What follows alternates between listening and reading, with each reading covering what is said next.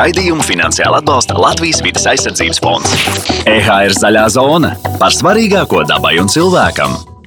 Esiet sveicināti, cienījamie klausītāji. Mans vārds ir Kaspars Eglīts, un jūs klausāties EHR raidījumu Zaļā zona.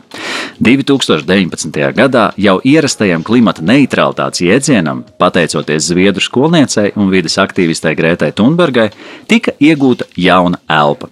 16-gadīgā Grēta ar savu rīcību neejot uz skolu, bet katru piekdienu piketējot pie parlamenta pret politiķu kūtrumu klimatu pārmaiņu jautājumu risināšanā, iekustināja ne tikai globālā mēroga augstākā ranga politiķu diskusijas par klimatu jautājumiem, radīja pasaules mēroga jauniešu kustību Fridays for Future, jeb šo piekdienas nākotnē. Bet arī aktualizēja jautājumu par bērnu un pusauģu iesaistas ētiku politikā. Pandēmijas laikā Grēta nosvinēja savu pilngadību. Arvien vairāk vidas politikas plānošanas dienas kārtībā ienāk zaļā kursa vēsmas, tāpēc šoreiz parunāsim ar Fridays for Future Latviju pārstāvi Lienu Kņazi par Grētas globālo fenomenu klimata neutralitātes aktualitāti un akcijām pandēmijā, un Latvijas skolēnu un jauniešu vēlmi iesaistīties sabiedriskajās organizācijās un klimata kampaņās. Sveiki! Sveiki! Tik ārkārtīgi daudz uh, tēmas un, un jautājumi. Un, un, un, un, un, protams, ka mums būtu ārkārtīgi svarīgi uzzināt, kas tad īsti ir Fridays for Future organizācija, nu, attiecīgi pārstāvniecība Latvijā un, un kā noris jūsu darbība šeit. Jā, tā tad uh, mēs esam izveidojušies arī 19. gadā uh, sākumā, kad bija pirmais uh, pasākums martā pirmais tāds lielais nopietnais vidas gājiens. Iepriekš Latvijā nav īsti bijuši tādi pasākumi, kas būtu tāda mēroga tieši saistībā ar klimata um, pārmaiņām. Un, uh, pirma, pirmo šo pasākumu mums palīdzēja ļoti liela daļa dažādu vidas organizācijas, kas iesaistījās un palīdzēja rīkot. Un, uh, tad jau tālāk um, šī iesaiste mazinājās, bet jauniešu aktivitātes vienmēr uh, palielinās, un jaunieši ir gatavi iesaistīties dažādās akcijās. Bet tas ir tāds tā kā nu, Eiropas, pasaules, nezinu, biznesā ir teiksim, franšīzes par to, ka tev ir viens tas pamatturētājs, nu, un tad tie pārējie, kuri, kuri tad attiecīgi izmantojot zīmolu, iet līdzi. Nu, tad jautājums ir, vai, vai šeit ir kaut kā līdzīgi, kā jūs pie tā nonācāt? Jā, tā tad man ir jāatzīmē tas, ka Latvijā mēs neesam vienīgie.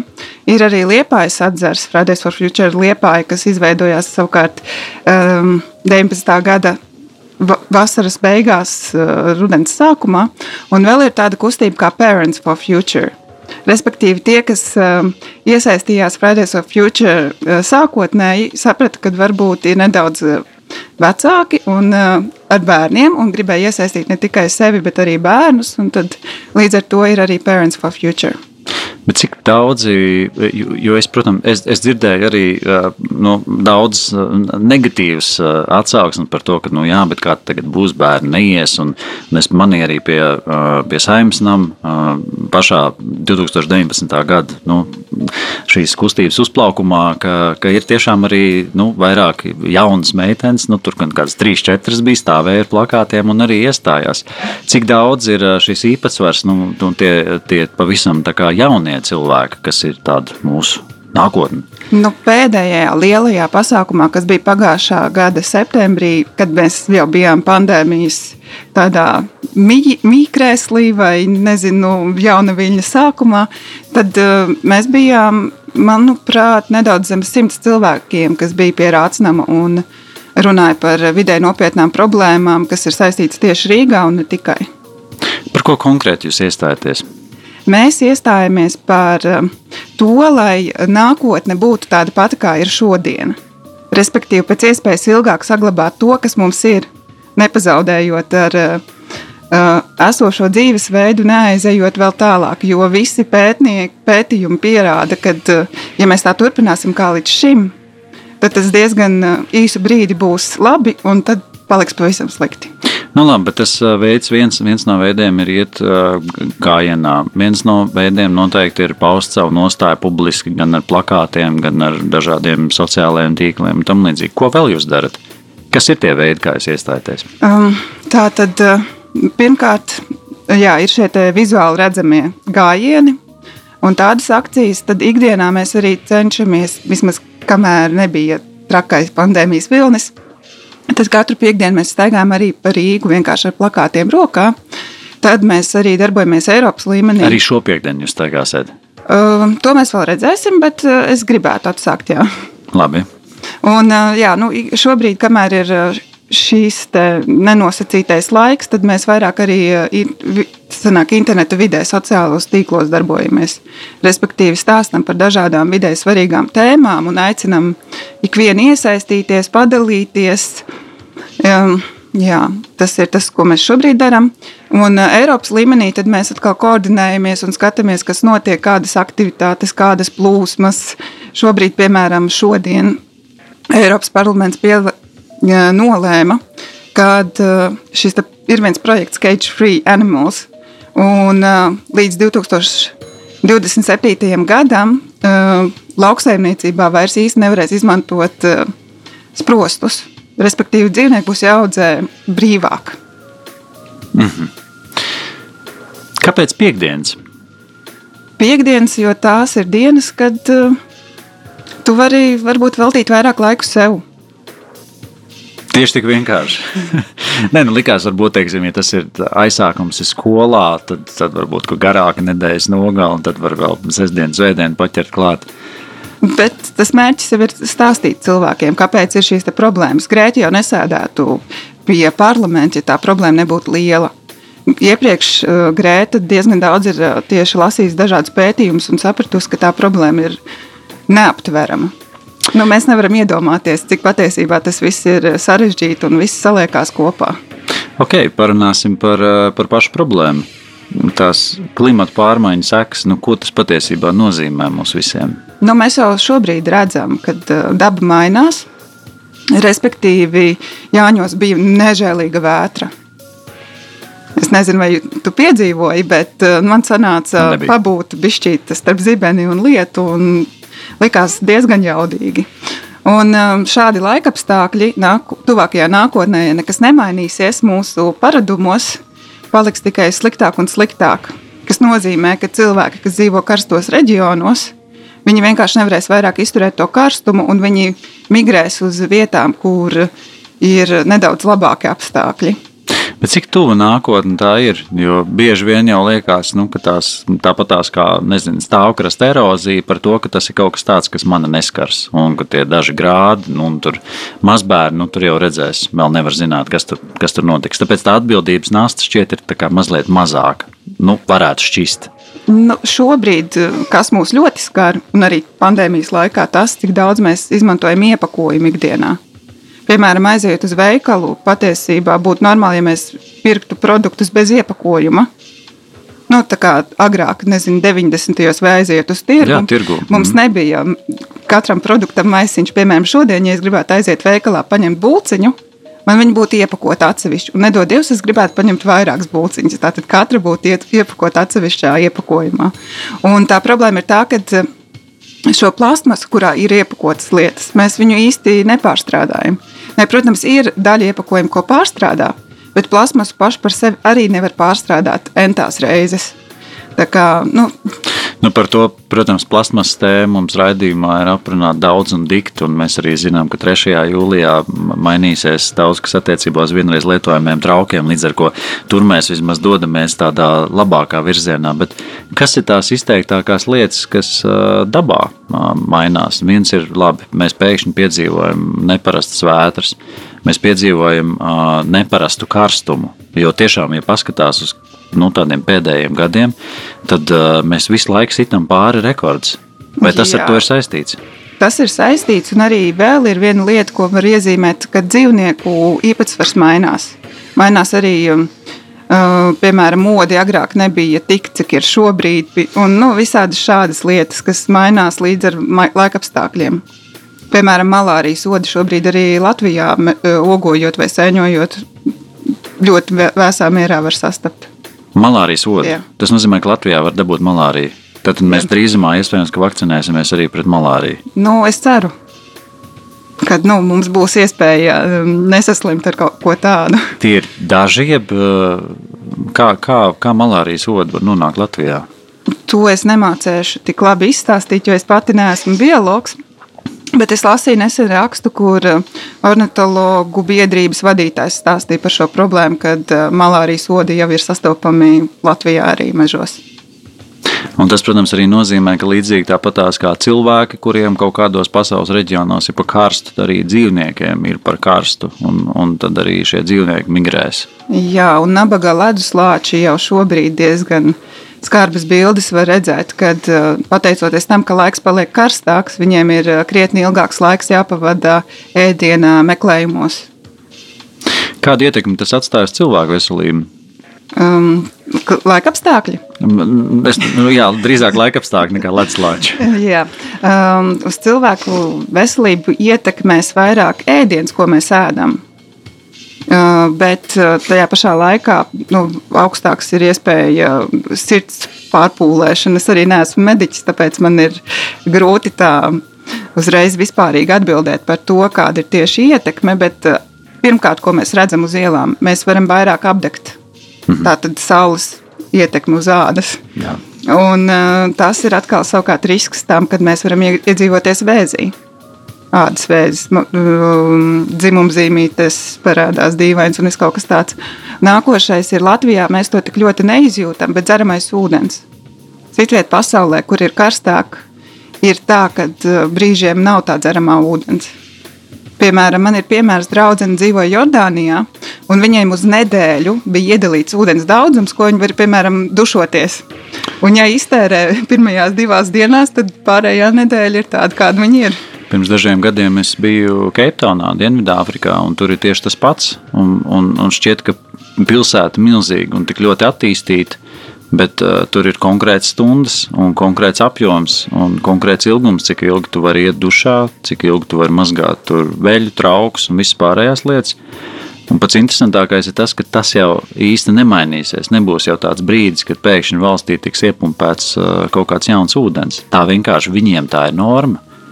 Tādā ziņā nu, tu ļoti pareizi saki, ka mēs Latvijā to tā vēl neizjūtam. Pasaulē mēdz būt trakas lietas tiešām.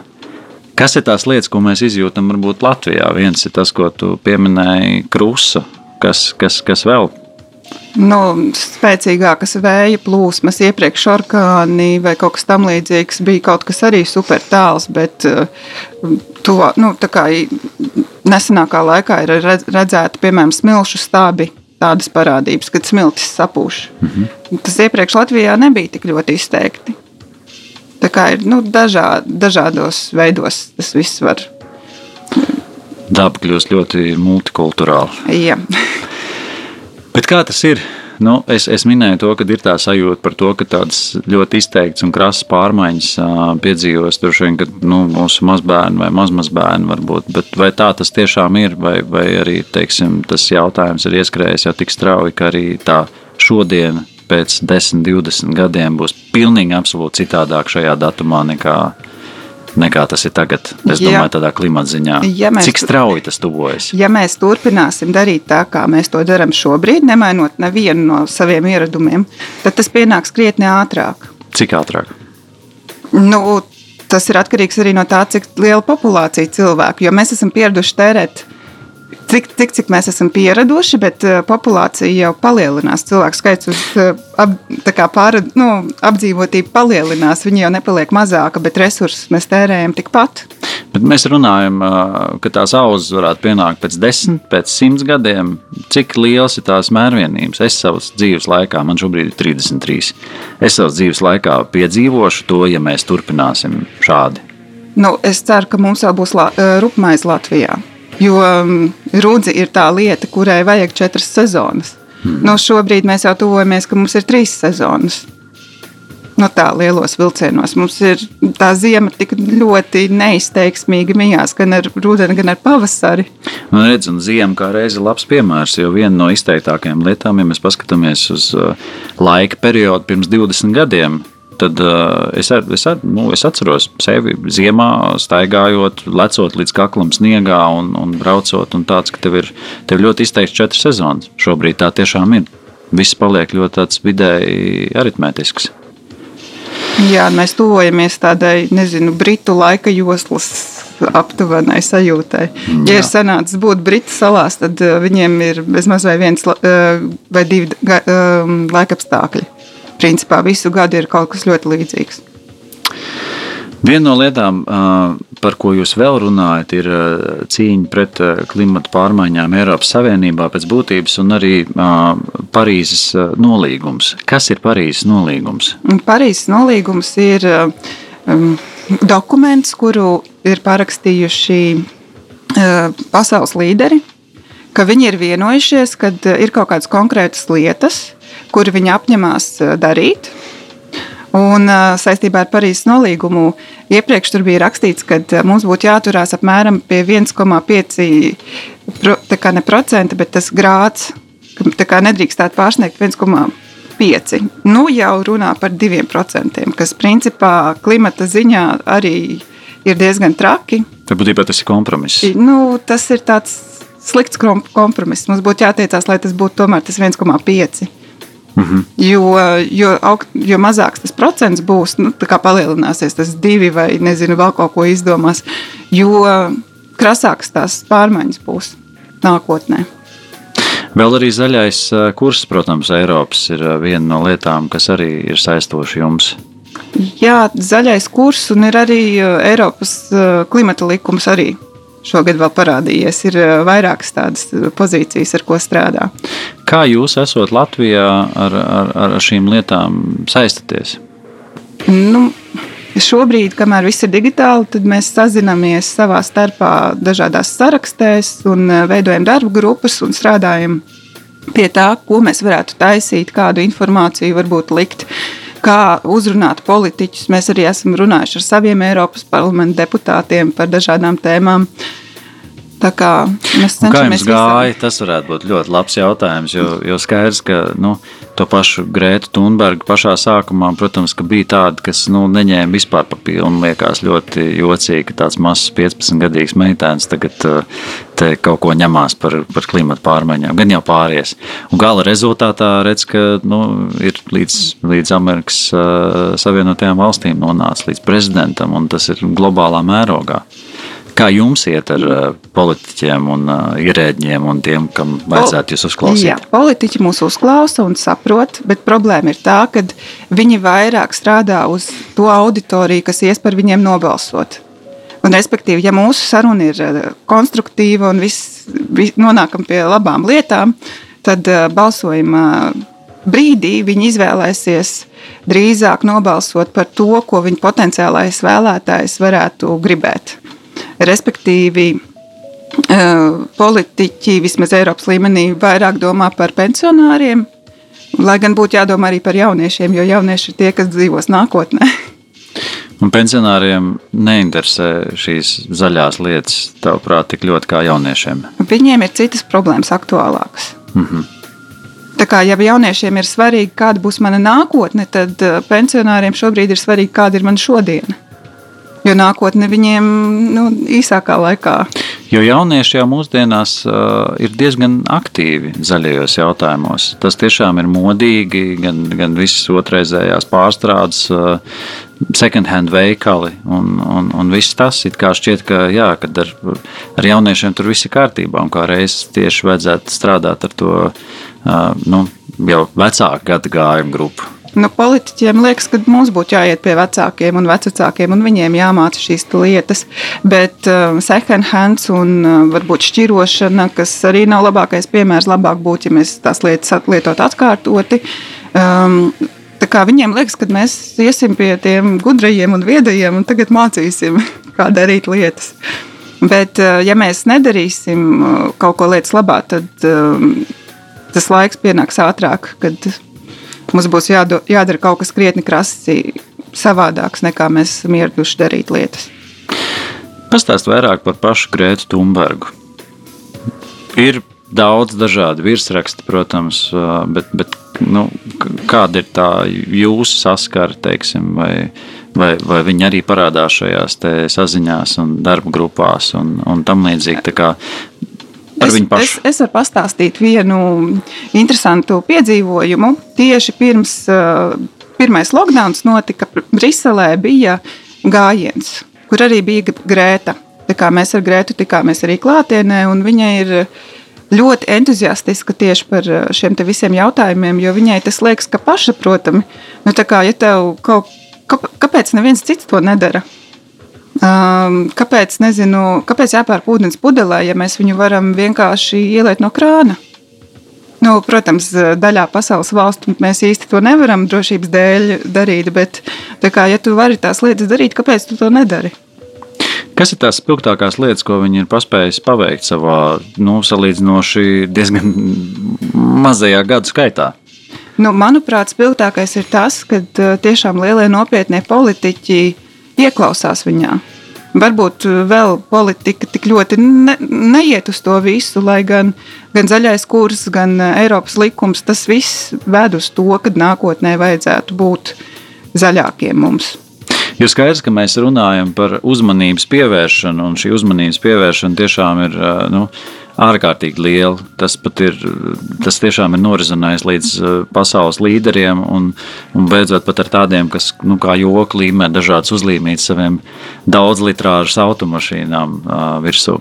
Bet, uh, bet kāda ir tā realitāte? Vai tiešām mēs nu, kaut kādā veidā Grētē ir izdevies arī kaut ko reāli fiziski panākt, vai tikai pienākt, panākt uzmanības pievēršanu tam visam? Es domāju, ka principā tas smagais darbs ir zinātniekiem. Viņi jau pēta un uh, rāda, kā, uz ko mums būtu jātiecās, kas mums būtu jādara. Un politiķiem arī būtu varbūt vairāk jāieklausās tieši zinātniekos, un tas ir viens no Fridays for Future saukļiem - ieklausīties zinātnē. Un paši Fridays for Future loģiski sadarbojās arī ar zinātniekiem un, un klausās. Jā, mēs nu, diezgan sekojam līdzi, kas notiek, kādas ir aktualitātes. Un Tā kā cenšamies. Kam tavuprāt būtu jānotiek, lai pagrieztu tādu globālo uh, kursu daudz straujāk nekā tas ir šobrīd? Mums būtu jācenšas ieviest aprits ekonomikas principus, respektīvi. Uh, do, mainīt domāšanas veidu, kad mēs pērkam lietas, lai viņas palietotu un izmestu, bet mēs pērkam lietas, lai viņas mums kalpotu ilgāku laiku posmu, un ja viņas beidz funkcionēt savā esošajā, pastāvošajā veidolā, kā mēs viņus varam izmantot savādāk. Mhm. Respektīvi, nu, atrast jaunus variantus, kā um, izmantot lietas. Protams, e, elektrotehniku nevarēs tā ļoti savādāk atris, uh, izmantot, bet tāpēc būtu svarīgi, ka uh, mums ražo tādas lietas, ko mēs paši varam salabot. Piemēram, tas pats telefons. Kāpēc man būtu katru otro, trešo gadu jāpērk jauns telefons? Ja man būtu iespēja nopirkt tās detaļas, kas man ir saplīsušas, nezinu, bateriju, un es varētu nomainīt. Jā, nu, mēs jau ļoti labi zinām, kā kapitālisms strādā. Nu, tieši nu, tas ir tas. Automašīna kas... lielākais bizness jau nav pārdot automašīnas, bet pārdot detaļas. Nu, tas jau tieši tāpatās arī, nu, ja automašīna gadījumā, teiksim, tās detaļas ir iespējams nomainīt Un tāpat tās tu lietas kaut ko jaunu iekšā. Nu, tad telefona gadījumā tas aizbildinājums ir tas, ka ik pa diviem gadiem mums vienkārši mainās processori un vēl vis kaut kāda ierīču jaudas, un vienkārši viņš vairāk nevelk. Nu, es tā varētu oponēt, jo man telefons ir vismaz četrus gadus. Nu, ta, tas nav mans viedoklis. Tas ir tas, ko saka lielie tehnoloģiju ražotāji bieži vien. Jā, Mēs bet... zinām, bija arī ļoti skaļš skandāls, manuprāt, Apple gadījumā. Kur, eh, kur viņi apzināti padarīja šo telefonu eh, lietotāju sistēmu daudz lēnāku, lai cilvēki vienkārši mainītu telefons.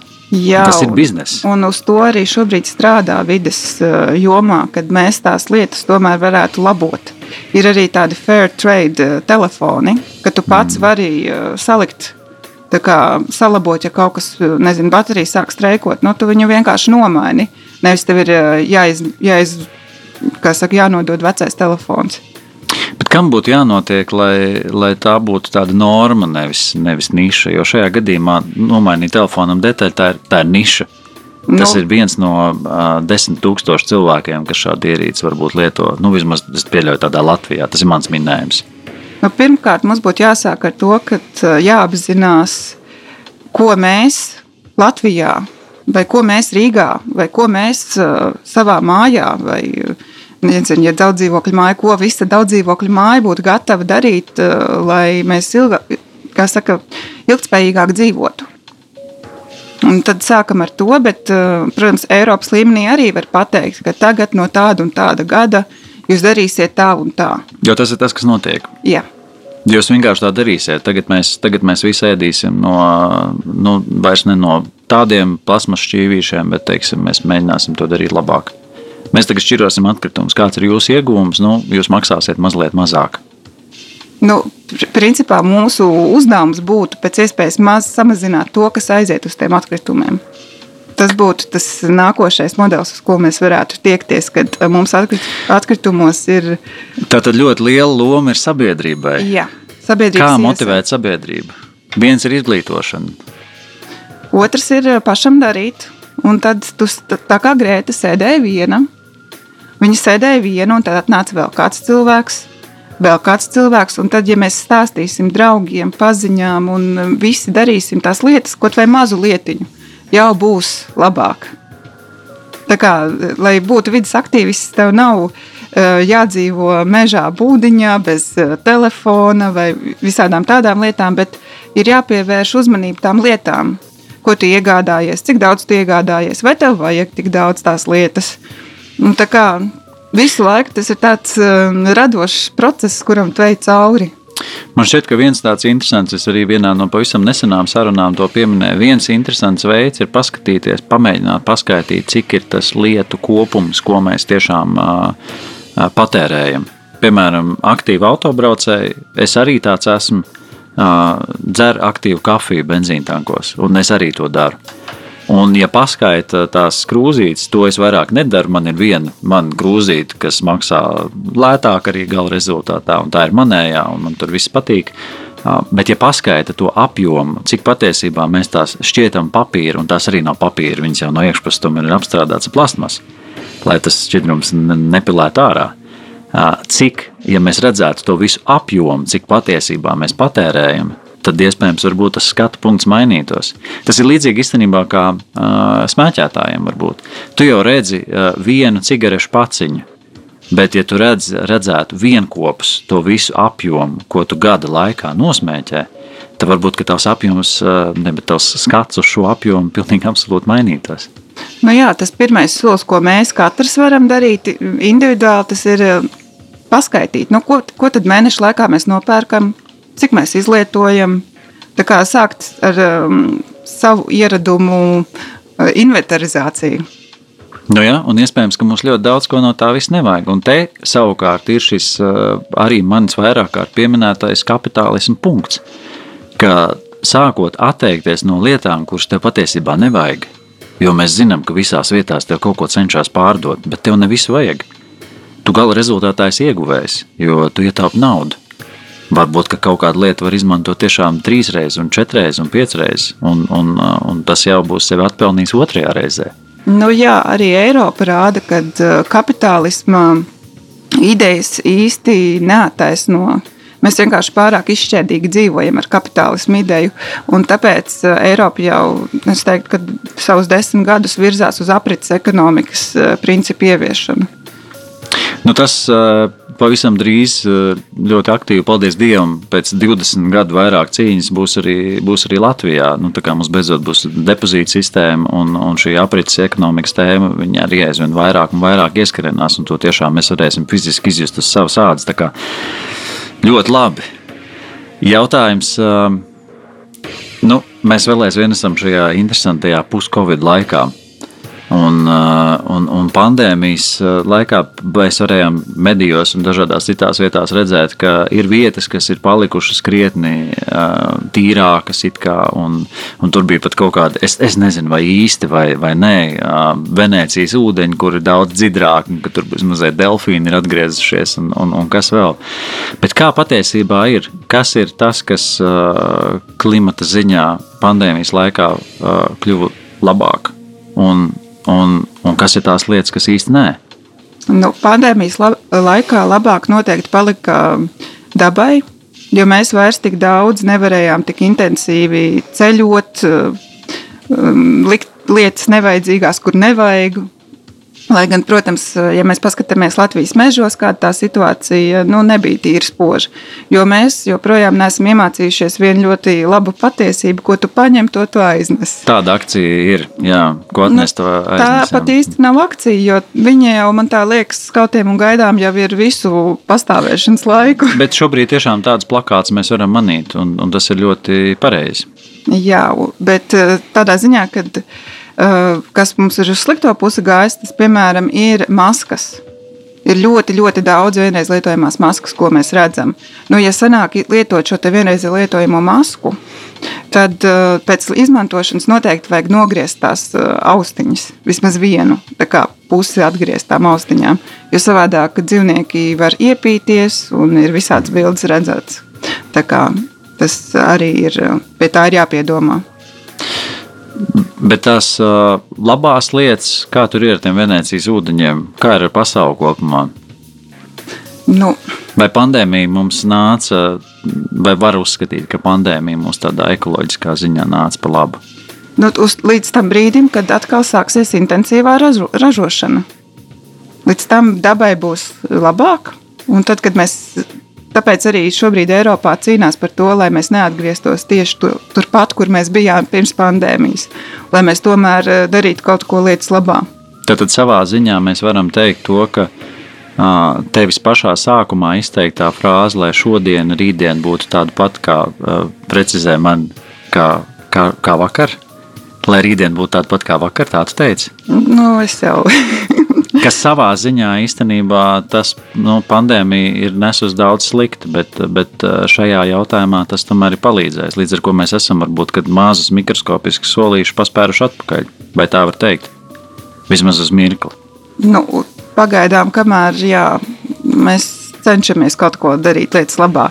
Bet man liekas, ka pandēmija arī ir iemācījusi to, ka uh, katrai valstī ir jābūt vairāk neatkarīgai no varbūt lielajām um, ķēdēm, piemēram, kas notika tajā gadījumā, ja nevarētu importēt ēdienu no kaut kurienes. Nu, mēs ēstu vietējo. Jā, bet nu, ja mums nebūtu izmeš. vietējie ražotāji, tad ko mēs darītu? Jo, piemēram, Norvēģija ir fantastiska valsts, bagāta, viņiem ir nafta un viss pārējais. Bet, ja viņiem būtu tagad jāpārtiek no tā, ko viņi saražo tikai Norvēģijā, tur ietu skumji, jo viņiem lauksaimniecības zeme apstrādājumā ir nu, krietni mazāk, jo tur ir tikai akmeņi principā. Un tā kā mums būtu arī pie tā varbūt jāpadomā, ka mums nemaz nevajag to globālo tik ļoti. Nu, tur atkal, protams, ir tas cenas jautājums, par ko mēs arī jau esam runājuši, ka tas poļu ābols bieži vien ir trīsreiz lētāks nekā Latvijas ābols. Bet jautājums, vai tu to poļu ābolu rekomendētu lietot? Nē, bet es pieļauju, ka daudz uh, saimniecības, kurām vienkārši nav izvēles. Nu, tikai un vienīgi ēst vietējā ražojuma, ekoloģisku pārtiku, fairtrade produktus. Lietot. Ja mēs runājam par mūsu lauksaimniecību, nu, diemžēl viņa arī nav. Uh, tik puķaini un rožaini, kā gribētos. Piemēram, arī šodien no rīta lauksaimnieki, zemnie, zemnieku saima, bija pulcējusies pie vidus un izglītības uh, nevis vidus un izglītības vidas. Uh, un reģionālās ministrijas uztaisījuši plakātus, un kad uh, vidas ministrs ir slikts, un ko tur grib Eiropas uh, zaļo kursu, un kāpēc mums ir jābūt par uh, pirmajiem, un viņi, viņi ir apvainojušies, jo kāda no vidas akcijām esot pateikusi, bet es uh, skatījos īsti nevarēju atrast, kura tad bija tā vidas akcija, kas ir pateikusi, ka zemnieki ir tie sliktie un viņiem ir vēl tāds nu, aizvainojums. Bet uh, tajā pašā laikā, kaut kad es neatceros, uh, pavasara beigās vai vasaras sākumā. Um, gāja reklāmas jingls, kad pesticīdi un fungicīdi ir tādas pašas zāles kā cilvēkam. Tās laukiem ir vajadzīgas. Bet, ja mēs paskatāmies, ko tad, uh, šīs tad lietas dara, um, pesticīdi ļoti ietekmē bišu spēju gan strādāt, gan vispār izdzīvot. Nu, es nezinu, cik tas ir labi visu laiku kaut ko tam līdzīgu lietot ražošanā. Nu, jā, nu tas katrā ziņā arī ir tāds liels uh, ieradums, kuru, kuru, kuru nāksies mainīt.